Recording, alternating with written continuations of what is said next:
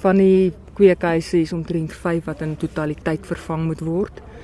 Die ander 19 kweekhuise het ook baie baie skade struktureel. Ehm um, waar van die kappe gebuig is, van die geete is gebuig, uitgeruk. Uh en ons moet baie dringend ons plastiek dakke vervang om die rose te beskerm. Maar ons kan nie die dakke vervang voordat die strukture nie herstel is of vervang is nie.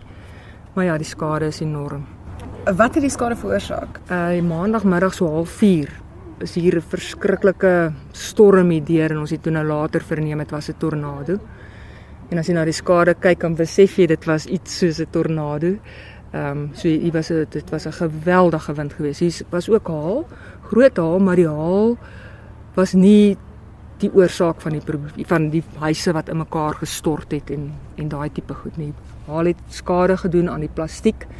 Uh die bietjie plastiek wat nou op die dakke is, maar dit was die wind.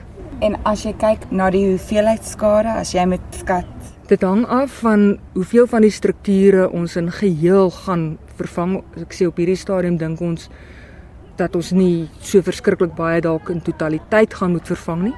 Maar wat ons ook sien is dat van die die pote is gebuig en so so dit kan wees dat dit 'n risiko inhou vir ons werkers dat van hierdie huise kan in mekaar stort.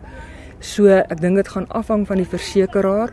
Ehm um, en ons sal ekspert insette kry van kweekhuisbouers sodat ons kan bepaal gaan ons van die goed net kan herstel of sal ons dit moet moet totaal vervang. As as ons al hierdie kweekhuise moet vervang, praat ons van ongeveer 30 miljoen rand.